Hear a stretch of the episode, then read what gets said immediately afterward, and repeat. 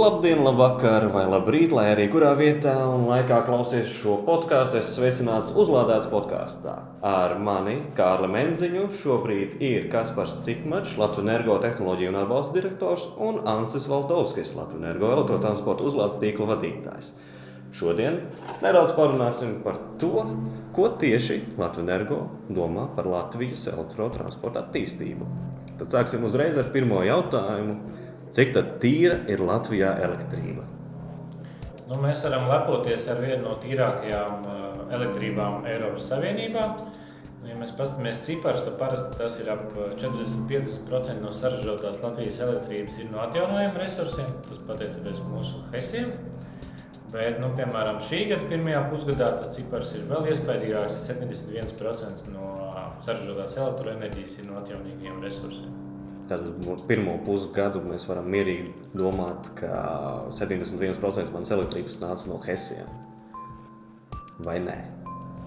Ne tikai no Hesiem, jo Latvijā ražo protams, liel, lielākā daļa nāk no Hesiem, bet ir arī citi ražotāji, arī, kur arī ražo uh, zaļāku enerģiju. Kas tad ir mūsu Latvijā ražotāji? Nu, ir da, dažādi tas jāstāsta saraksts, bet, protams, galvas tiesa tas ir, protams, Hesi un teica, tas ir mūsu pamats, kas ir milzīgs.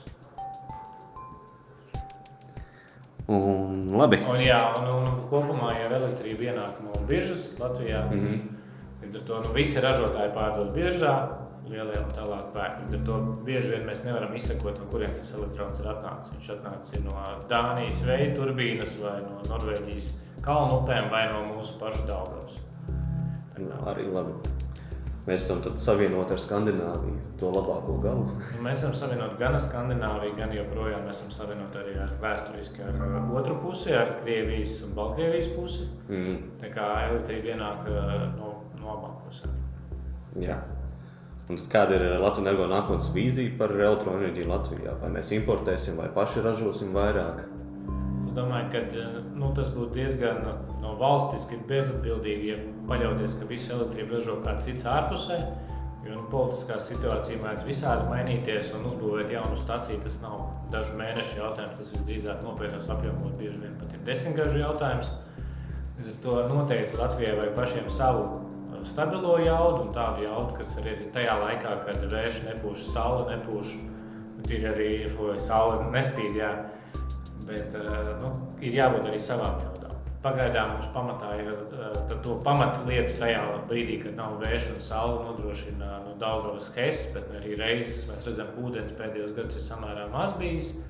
Nu, tad ir teicis, tad ir mums uh, gāze, nu, dabas gāze, kas ir teiksim, zaļākais no, no fosiliem, kas ir. Bet, nu, tad, protams, ir plāni arī, mēs skatāmies uz to, kā, kā nākamajās desmitgadēs pāriet uz kaut ko citu. Bet, diemžēl, citu tehnoloģiju joprojām nav finansiāli pamatota. Tas ir izpētes jautājums, kurā mēs pētām un daramies, bet tas nebūs pāris gadu jautājums. Tas ir tālāk. Mm -hmm. Un zinu, ka Latvijas energo nav viens un tas pats, kas sadala tīklus, bet tomēr uzdošu šo jautājumu, vai Latvijas tīkls tiktu galā, ja visi pēkšņi rītdien pāriet uz elektroautorātu. Ja tā ņem tīklu kopumā, tad jāatcerās, nu, ka mēs dzīvojām pirms gadiem, nu jau 30 valstī, kurā bija liels tīkls. Un 90. gados cipari rāda, ka bija daudz lielākas elektrības jaudas nekā tagad izmantotas. Viņas joprojām liela daļa no viņām ir. Un tagad patēriņš ir pamatīgi krities, ja salīdzinām. Dažādu iemeslu dēļ, pamatā arī dēļ energoefektivitātes. Līdz ar to mēs taisījām tādu pētījumu, cik būtu nepieciešams elektrība, ja pēkšņi no rītdienas visi fosilie benzīna dīzeļu mašīnas kļūtu par elektroautorātu. Kas drīzāk nenotiks vienā dienā, ja tas notiktos, tad tās elektrības daudzums būtu pieskaitot esošam patēriņam, mēs nonāktu pie elektrības patēriņa, kas bija 90. gadā. Līdz ar to nekas briesmīgs īsti nebūtu. Mēs būtu tajās jautās. Bet reāli jau mēs zinām, ka elektroautorāta attīstība būs daudz pakāpeniskāka. Tas nozīmē, mēs redzam saules paneļu attīstību, mēs redzam vēja turbīnu attīstību, visādi citu. Līdz ar to Es nesaskatu, ka tas būs no ražošanas viedokļa liels risks. Tas, kas arī no, no sadalījuma tīkla drīz, drīzāk tur nebūtu problēma, tas, kas ir uzmanīgi jābūt iespējams Rīgā vai plīvās vietās, konkrētos punktos. Tur gan būtu iespējams vietām nepieciešams papildus izbūves, pārbūves un kaut kas tāds. Vai to nevarētu ar kā, jaunas, jaudas menedžēšanu izdalīt, nepalielinot jaudu? Nepalielinot nu, konkrētās vietās. Jā. Nu, tas, domāju, tas ir komplekss jautājums, bet tā labā lieta ir, ka attīstība elektroautorā ir pietiekami pakāpeniska. Pat ja mūsu pārdrošajās prognozēs mēs sakām 30,000 pēc desmit gadiem, ir tikai 5% no Latvijas autoparka. Mm. To, tas, ja pārreķina uz kopējām jaudām, tas ir diezgan mazi cipari. Tā ir visā stāstā. Līdz ar to tas uh, pakāpenisms, vai arī citreiz mēs pārmetam, ka tas ir slikti, ka mums tik lēni attīstās elektrotransports. Tas šī vietā, es domāju, tas tieši palīdz laicīgi saplānot tīklus, lai nebūtu mums jāuztraucas par kādām tādām problēmām. Nu, tad varbūt pāriesim uz otru runātāju, uz Ansi. Uh, ko darīt daudz dzīvokļu no mīmītniekiem, kas vēlas savu elektroautorātu? Nu, kā viņiem rīkoties? Man ir 12 stāvu māja, trīs vietas, kur novietot mašīnu, bet es gribu, lai man būtu uzlāde. Uh, nu, jāsaka, tā viņiem visdrīzāk nāksies vēl mazliet, mazliet uh, meklēt uh, radošus risinājumus mēs runājam par pavisam tuvāko nākotni. Bet tas, ko es noteikti varu ieteikt, eh, ir sākt ar eh, koplietošanas automašīnu risinājumu izmantošanu. Kā zināms, arī Rīgā ir viens koplietošanas auto piedāvātājs, eh, kuram ir nu, jau simts elektromobīļi Rīgas ielās, ar kuriem pilnīgi mierīgi var braukt uz visiem Rīgas mikrorajoniem, atstāt automašīnu vakarā un no rīta viņu paņemt un braukt atpakaļ. Ja mēs runājam par uzlādes tīklu šajos šīs vietās, kā jau minēju, tad dotā brīdī ir nedaudz vēl jāpagaida. Bet tas, ko es varu varbūt pastāstīt, kad arī mēs, kā, kā Latvijas energo, skatāmies arī uz mikrorajoniem un skatāmies uz iespējām attīstīt savu tīklu šīs reģionos. Pirmajā, pirmajā posmā tie drīzāk varētu būt kādi publiski aktīvāki centri, kā lielveikali vai, vai sporta zāles vai, vai, vai, vai kādi šādi veidi objekti. Bet neizslēdzot arī, ka kādā no pagalmiem parādās uzlādes iekārtas. Neizslēdzot pēc cilvēku iniciatīvas, kā, vai arī jūs paši izdomāsiet, ja tur ir daudz, daudz dzīvokļu namu, mēs ieliksim tur kaut kur. Tas, ko mēs noteikti varam, varam teikt sabiedrībai, ka mēs vienmēr labprāt dzirdam sabiedrisko domu, un ja ir kādas apkaimes biedrība, kas ir aktīva un viņi vēlās iegādāties elektromobīļus, viņi vēlās, vēlās, lai šajā apkaimē būtu uzlādes risinājums, mēs ļoti labprāt šādu informāciju saņemtu, uzklausītu un skatītos, kāds ir iespējas to arī risināt. Nu, Porši, mums jau ir Rīgā daudz apgājumu, tur avotielas apgājumu, teiks apgājumu. Nu, tad, ja šīs apgājumas varētu nezinu, izdomāt, re, ka mums vajag vienu sev vai divas sev, tad būtībā jānāk ar jautājumu pie jums, kā risināt šo problēmu ja tā varētu no, to nosaukt. Jā, apmēram tā. Nu, un tad, turpinot par uzlādes stacijām, mēs zinām, Latvijā ir ļoti daudz ātrās uh, uzlādes stācijas, kurām jauda ir 50 kW. Ja rēķinām, cik kilometru stundā uzlādēt, tie ir aptuveni 300 km/h. Bet kad mēs varētu sagaidīt kaut ko lielāku? ko tiešām jaudīgāku, kā mēs pasaulē jau dzirdam, ir 150, nu jau ir jaunā norma, un Teslām ir 250, tā Unity nāk ar 350 kW jaudu. Kad mēs varētu Latvijā kaut ko tādu sagaidīt? Nu, konkrēts datums noteikti es šobrīd nosaukt nevaru. Tas, ko es varu pateikt, ka mēs arī, arī elektrotīklam izskatām šādas stācijas, vērtējam, kur būtu Rīgā vietas, kur šādām stācijām vajadzētu atrasties. Un, un mums pētījuma sadaļā šis, šis jautājums arī figurē par laiku, kad, kad mēs varam šādu stāciju sagaidīt, nu, dotā brīdī vēl es nevaru neko konkrētu. Labi. Bet noteikti tas, ko mēs varam apspriest, ka mēs arī strādājam pie šādiem jā, jā, šajā virzienā mēs noteikti skatāmies. Tā kā tas varētu būt jāsēž un jāgaida. jā, nu, mazliet jāpaciešās. Jā. Un nu jau ir gads riņķī, kopš elektrum ir uzsākuši uzlādes pakalpojumu sniegšanu. Kāds ir nu, tāds īsais rezumē? Neiegribsim dziļās detaļās, tomēr centīsimies noturēties pusstundas ietvaros podkāstā. Nu, sākumā tas bija uzsākts tā kā sauc, mēs iekšēnē saucam par pilotu projektu, trim stacijām, kur vienkārši saprast daudzas uh, lietas, ko varbūt tās uz, skatoties citus tīklus nevar iepazīt. Es domāju, viņš bija veiksmīgs. Viņš bija veiksmīgs gan no tā, ka mēs redzam, daudz, daudz labāk saprotam, kas strādā, kā strādā, nu, kā arī ļoti daudz tehniskie aspekti, kas tika slīpēti šo gadu, nu, šī gada laikā. Kā, un es domāju, tas galvenais, kas iespējams pāriem interesē, ir, kad vai elektrona turpinās, tas secinājums pēc pilotu projekta ir, ka mēs turpināsim. Mēs uh, atradām arī dažus citus fokusus. Tātad, nu, tur būs noteikti 22 nieces, un tas, ko iepriekš pieminējām, arī ātrās stācijas. Bet tas kopumā skatiens, kad ir dažādiem uh, mērķiem, ir dažādas stācijas. Un, kā, nevar teikt, ka būs tikai vienas vai tikai otras. Drīzāk mēs labāk esam izpratuši to dažādo spektru, kur dažādiem lietotājiem vajag dažādus. Un arī tas, kas ir, ka mēs runājam ne tikai par savu publisko tīklu, savām stācijām, bet mēs runājam arī atbalstīt kā partneru stācijās, taisīt, kā e-veikalā tirgot mājas volbokšus. Nu, un arī kaut kādas lielākas sadarbības ar dažādiem citiem tīkliem, nu, kurus mēs tagad uh, veicam, bet kurām vēl nevaram stāstīt. Bet, nu, tur aktīvs darbs notiek mhm. dažādām organizācijām. Un joprojām esam atvērti arī citiem palīdzēt, sadarboties. Un, tas, tas nav tikai mums mērķis pašiem uzbūvēt tīklu, bet nu, lai visā Latvijā kopumā būtu ērti pieejams. Bet, teiksim, šeit jau mēs varētu runāt, ka teiksim, kāda kafejnīca sev uzliek uzlādes stāciju. Viņi pasaka, hei, elektrum, man ir stācijas, gribētu pievienoties jūsu tīklā vai kā? Jā, un ļoti līdzīgs piemērs ir reāls tas, kas notikās ar energoluks stāciju. Tieši tā arī viņa ir. Ulbrukas ielā tā stācija ir viņu pašu būvēta stācija, kurā sākumā bija viens veids, kā viņi iekasēja naudu. Nu, tagad tas ir iespējams izdarīt ar elektruma aplikāciju, kas ir daudz vienkāršāk un nu, uzreiz pievienojas lielākā tīklā. Es vēl varu pieminēt, ka mēs esam arī mājaslapā uztaisījuši iespēju pieteikties konsultācijai elektrozlādes stacijas, stacijas izveidē. -hmm. Tā, ja ir kāda kafejnīca, kas ir uzlikusi staciju vai izskata iespēju uzlikt staciju pie sevis, droši var šo vietu izmantot, pieteikties. Un, nu, noteikti mēs sazināsimies un skatīsimies risinājumu kopumā. Nu, tad uh, otrs jautājums, kas varētu mums, kā lietotājiem, ērtības labad, Kad ar e-mobīlu kartiņu varēs elektrotīklā nopīstināt un aiziet, vai otrādi ar elektromu aplikāciju aiziet pie e-mobīlu stācijas?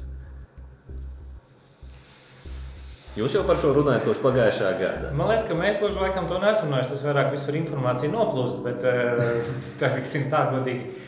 Bet tas, ka, uh, tas nav tik vienkārši jautājums, kā pirms šeit liekas. Tīri tehniski tas ir uh, skaidrs bet tur ir vairāk jautājumu arī par to, kad, eh, kā savienoties ar, ar valsts atbalstu saņēmušiem tīkliem, un viņiem ir zināmi ierobežojumi, kuriem mums ir eh, zināmas procedūras jāiziet cauri.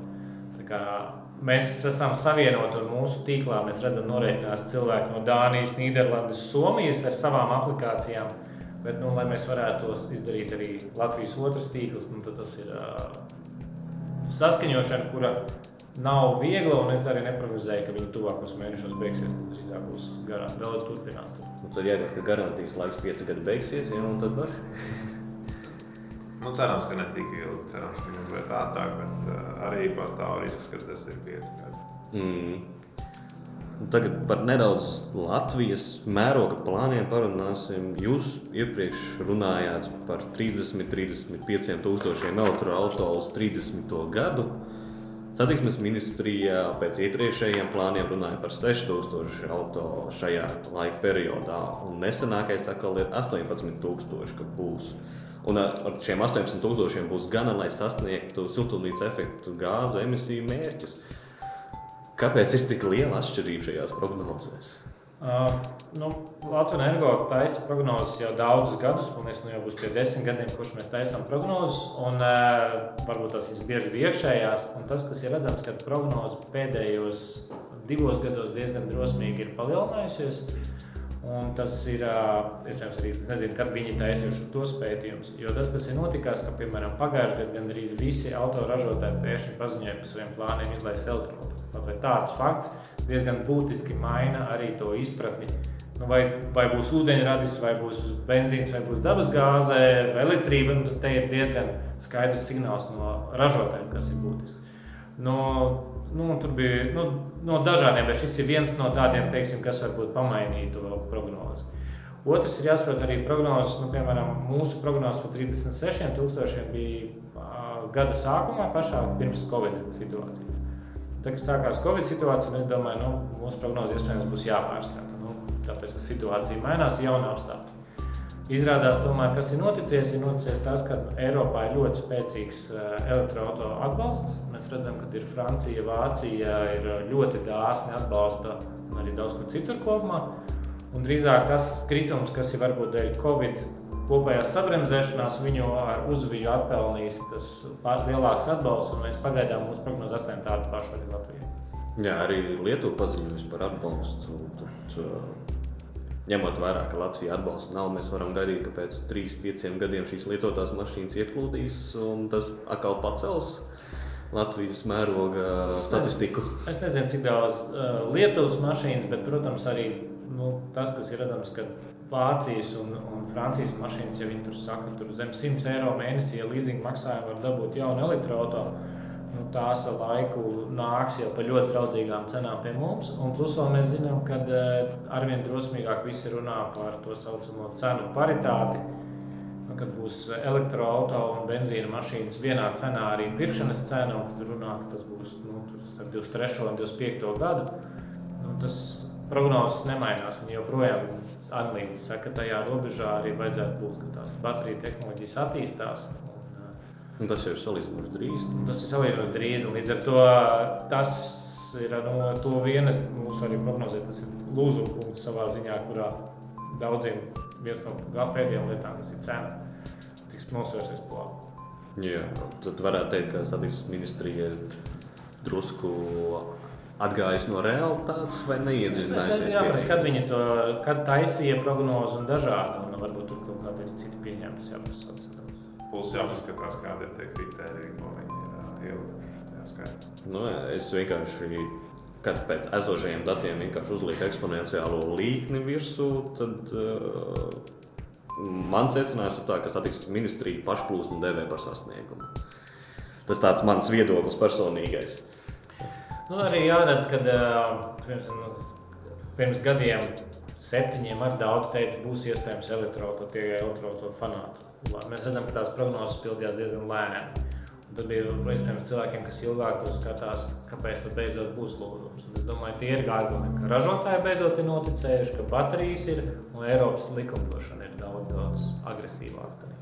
To, nu, tagad beidzot liekas, nu, ka tas nav vairs tikai pat liekas, jo mēs redzam reālos ciparos.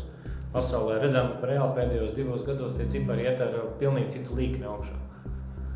Tāpēc nevar vairs zīmēt to lēnu, kā bija varbūt teikt, septiņus gadus, piecus atpakaļ, kad tiešām bija tas tikai tāds. Nu, jā, un minējām Francijas, Vācijas, Lietuvas, no arī Igaunijai ir atbalsts bija. Uh, tur viss būs atkal. Uh, bet, ja Latvijas valdība vienu dienu izdomātu nopietnāk atbalstīt šo jomu, kad, jo jūs esat domājuši, kāds būtu Latvijā piemērotākais atbalsts? Tas būtu jāstrādā drīzāk viņiem lemšanai, bet tas, kas ir viens no tādiem, kas man liekas nav pietiekami diskutēts Latvijā, ir uh, daudz vienkāršāks. Būtu, ka, es runāju ar dažiem cilvēkiem, viņi saka, man ir uzņēmums, uh, maksā par mašīnu. Un es tagad, kā es tagad varētu teorētiski uzņēmums pirkt man elektroautorātu, bet kā viņi tagad lādēs un, un, un kurš to, un es aizbraukšu mājās. Tad es mājās lādēšu darba mašīnu, vai citreiz ir otrādi. Ja ir privātā mašīna, es gribu lādēt viņu darbā, tad par to jāmaksā nodoklis, būt, jo tas ir labums, ko darbinieks iegūst. Un, uh, es domāju, tā, tas priekšlikums būtu tas, ko es ieraudzīju Vācijas. Tagad vienā no, kad Vācijā ir nu, pateicis, ka tuvākos desmit gadus, līdz 30 gadam, ja cilvēks savu privāto mašīnu lādīja birojā, tad tur tas netiek aplikts ar papildus labumu nodokļiem. Es domāju, tas ir ļoti vienkāršs veids arī Latvijā, kurā nebūtu nekāda papildus izdevuma. Tas drīzāk samazinātu birokrātisko slogu par to, ka, ja cilvēks savu privāto mašīnu lādējas darbā un to apmaksā darba vietu, par to skaitās vienkārši senītiskais izdevums nav nekāda ienākuma nodokļa vai kaut kas cits aprēķināts. Nu, vai savukārt arī otrādi, ja viņš darba mašīnu lādē naktī mājās, kas būtu diezgan prātīgs scenārijs, tad ir lētāka elektrība un, un brīvāks jaudas tad iespējams to var ieskaitīt, kad uzņēmums apmaksā to atkal bez papildus kaut kādiem apgrūtinājumiem. Zinot Latvijas tādu kopējo patiku pret nodokļu optimizāciju, šis varētu būt labs veids, kā īstenībā neko nesarežģījot. Nu, jā, ir jau īstenībā dažādi nodokļi, ko varētu, ko es esmu bieži dzirdējis, ka gribētu to luksus auto nodokli noņemt. Nu, paši tie lietotāji priekš elektroauto. Jo, nu, elektroauto ir dārgāk šobrīd, nu, paritāte būs, bet nu, šobrīd nav. Uh, un tad tas varētu palīdzēt varbūt. Latvijā ir ļoti daudz vajadzību, kas, kas ir, kur ir nepieciešama nauda. Un es domāju, tas valsts budžets nespēja apmierināt vajadzības. Līdz ar to tas ir politiķiem jāzina, kas ir svarīgāk. Luksus auto algas vai Protams, protams, tas ir. Es gan varbūt piemedināšu par to luksus nodokli. Mums, es domāju, ka šobrīd elektromobīļu vidējā cena tirgu ir ap 40 tūkstošiem eiro. Aptuveni tāda jau diezgan. Ar PVN vai bez PVN? Ar PVN. Nu, aptuveni ap, ap, ap 40 tūkstoši. Tas ir zem luksus nodokli. Tā gan ir. Un, un, ja mēs paskatāmies uz Vācijas atbalsta modeli, kas šobrīd ir Vācijā, tad Vācijā automašīnām līdz 45 laikam, tūkstoši eiro. Bet to jāprecizē. Atbalsts ir 8000, un mašīnām ir dārgāks par 45 tūkstoši. Atbalsts ir 6,5 tūkstoši. Līdz ar to viņi iet pilnīgi pretējo ceļu. Viņi lūdz uz automašīnas, nevis atbalstu. Tas kā reizes atbalsta ar samazinātu atbalstu apmēru. Tur arī bija cenu griezti, ka virs šādas summas vairs nav atbalsta. Jā, tā kā es teiktu, ka šajā virzienā tas drīzāk ir mans personīgais viedoklis, ka šajā virzienā nevajadzētu atbalstīt. Nu, labi, esam ļoti labi iekļāvušies laikā. Vēl pēdējie divi jautājumi paliek. Tad, kāda ir Latvijas energo padomi topošajiem elektroautorāta īpašniekiem? Nu, varbūt arī esošajiem, bet tīri koncentrējoties uz topošajiem. Nu, viens ir tas, ko man liekas, Ansis jau pieminēja, par dzīvokļu runāt, ka vajag izmēģināt. Vajag izmēģināt pašiem pabraukt elektroautorātu, to var dabūt gan salonos, gan to pašu koplietošanas mašīnas. Vienkārši saprast, kas ir, kāda ir sajūta braucot, ka tev tā jauda ir visu laiku un vienmērīgi. Nu, tas ir, tad saprot, ka tas nav stāsts tikai par zaļāku vidi un varbūt par kaut kādām izmaksām, bet tur arī sajūtās tas ir, ir savādāk. Katreiz man ir atkāpjoties un pēc tam pēc elektroautorāta braucot ar fosilo mašīnu, man tāds pirmais, kāpēc viņa tā rūc un um, kāpēc tur nav jaudas apakšā un tā tālāk. Lai arī nu, diezgan jaudīgs mašīnas. Nu, tas arī piemēram, bieži vien par cipariem skatās. Mums, laikam, arī mūsu līnijas ir ar kaut kādiem 130 zirga spēkiem, bet nu, viņas sajūtās ir daudz jaudīgākas nekā daži dīzeļi ar 200. Kā, tas noteikti izmēģināt, tas ir viens. Nu, un tad nākamais, kad jau ir nobriedis, tad, eh, nu, jā, nu, tad mēs varam piedāvāt arī palīdzēt birojā uzlikt eh, vai iegādāties iekārtu mājās, uzlikt iekārtu, lai ātrāk lādētu. Bet skaidrs, ka tas nav vienīgais, kā lādēt, var lādēt pie parastā 220 rozemes. Tas tur, tur. Jā. Cilvēkam nesit teikam ārā korķus, tad arī automašīnu uzlādēt. Jā. Nu, tas ir tas, ko mēs izdarījām. Nu, tad mēs esam nu, nodefinējuši, ka mēs arī turpinām attīstīt mūsu tīklu. Šovasar ir atklātas vairākas jaunas stācijas, kas ir. Tātad mums esam paplašinājuši Pūkušu briežu ielā ar vēl četrām stācijām. Mums ir Dēļu ielā Buksels biznesa centrā divām mašīnām uzlāde. Pļaviņu Hesā un ir vēl virkne projektu, kas ir dēļ Covid mazliet iekavējušies, bet nu, viņi vēl šogad būs Jā, par īstenībā par skaitļiem runājot, redzēju jūsu presrelīzi. Tā arī tūlīt tiks nopublicēta, ja jau nav nopublicēta. Ir jau nopublicēta uzlādēts LV.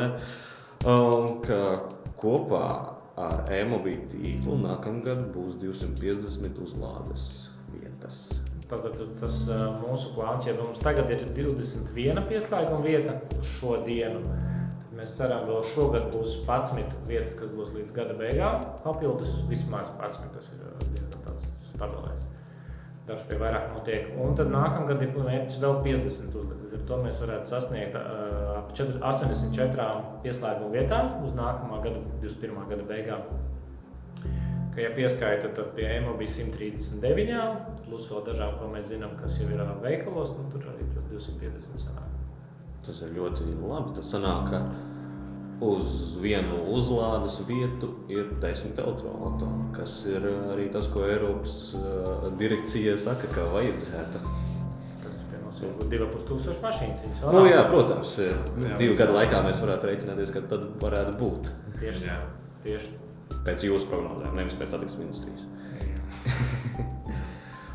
Un tad varbūt gluži tāds tehniskais jautājums. Kāpēc cilvēkam izvēlēties lādēties no specializētas uzlādes stācijas, nu, tur volboxes vai nu, ātrā uzlādes stācija vai kādas, nevis pārnēsājumās tās uzlādes ierīces, kas bieži nāk līdzi mašīnai? Nu, pirmais uh, ir ātrums. Tātad uh, skaidrs, ka var uzlādēt arī no parastās ierīces, kas mašīnā līdzi iesprāžot 220 parastajā rozetē. Bet, ja ir vēlme uzlādēt ātrāk mājās, nu, piemēram, ir mašīnas ar lielajām baterijām, tad nepieciešams būt specializēties Volkswagen. Otrs ir drošība, jo Volkswagen sniedz ir iespējams pieslēgt atbilstoši mājas jaudām, pieslēgumam un pareiziem noplūdes drošinātājiem. Līdz ar to tas drošība tiks nodrošināta no arī mājas tīklam. Un treškārt, var pieslēgt dažādus smalkākus risinājumus, kā piemēram jaudas optimizatoru, kurā tiek paņemta visa brīvā mājas jauda. Piemēram, Iespējams, mēs vakarā ejam pirtī mājās un varbūt vēl darbinām veļas mašīnu, un tad, tad viņš uz auto dod mazāk elektrības, bet, piemēram, naktī, kad tas jau viss aizgājuši pie miera, tad elektrības patēriņš mājā ir mazāks. Līdz ar to jaudas optimizators saprot, ka tur ir brīva jauda un vairāk lādē mašīnu. Nu, vai arī vienkārši citiem es zinu, ka patīk, kas iegādājušies ir lobuši, patīk attālināt, uzsākt, pabeigt uzlādēt. Ka dažādi šīs blakus iespējas, Nu, vēl es varētu piebilst, ka da, daudzas no viņām ļoti smuki izskatās. Jā, nu, tad arī kaut kāda zināmā kārtība. Es saprotu, citiem patīk garāžā, kad ir konkrēta vieta, kur tev ir uh, kabelis, nevis to viņš mētā.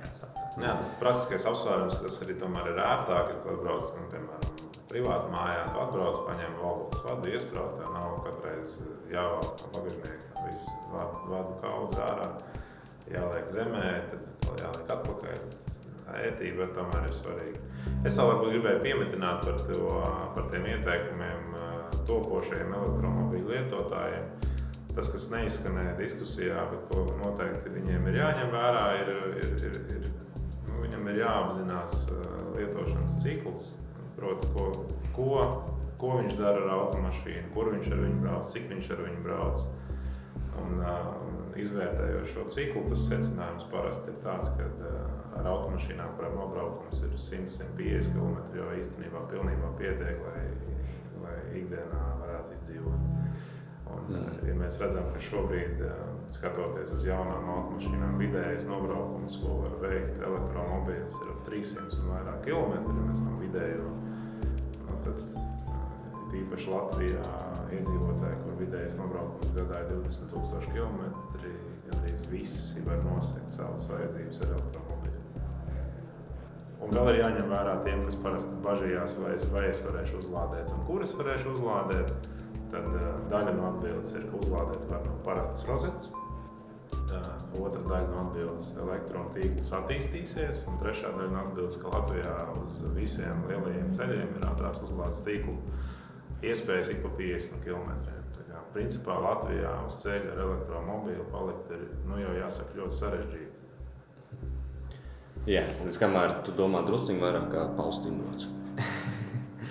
Labi, tas tāds mazais jociņš. Ceru, ka Pauls neklausās šo. Uh, paldies, kungi! Atgādinu, ka ar mani Kārlu Menziņu šoreiz bija Kaspars Cikmašs no Latvijas Energo tehnoloģija atbalsta direktors.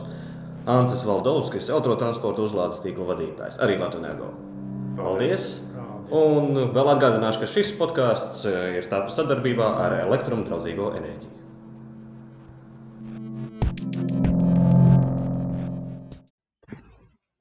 Lielas paldies, ka noklausījāties šo interviju ar Latvijas energo galvenajiem vīriem, kas atbild par to, kā attīstīsies elektroautorāta industrija vismaz lokālajā mērogā.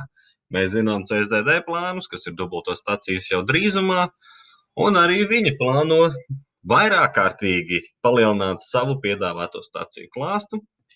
Tikmēr, ja tu meklē savu kādu privāto staciju, ko uzlikt vai nu pie darba, vai mājās garāžā, droši apmeklē veikals.uzlādēts.lv.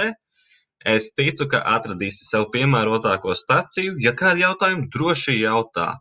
Tikmēr, ja tu vēlies atbalstīt mani un manus pūliņus sakarā ar uzlādēts LV, apmeklē Patreon, patreon.com slīpsvītra uzlādēts, Tur vari atbalstīt mani sākot no 1 eiro mēnesī.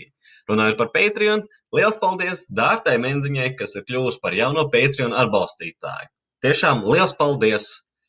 Un tagad novēlu tev nekad neizlādēties, būt uzlādētam un tiekamies nākamreiz! Yay!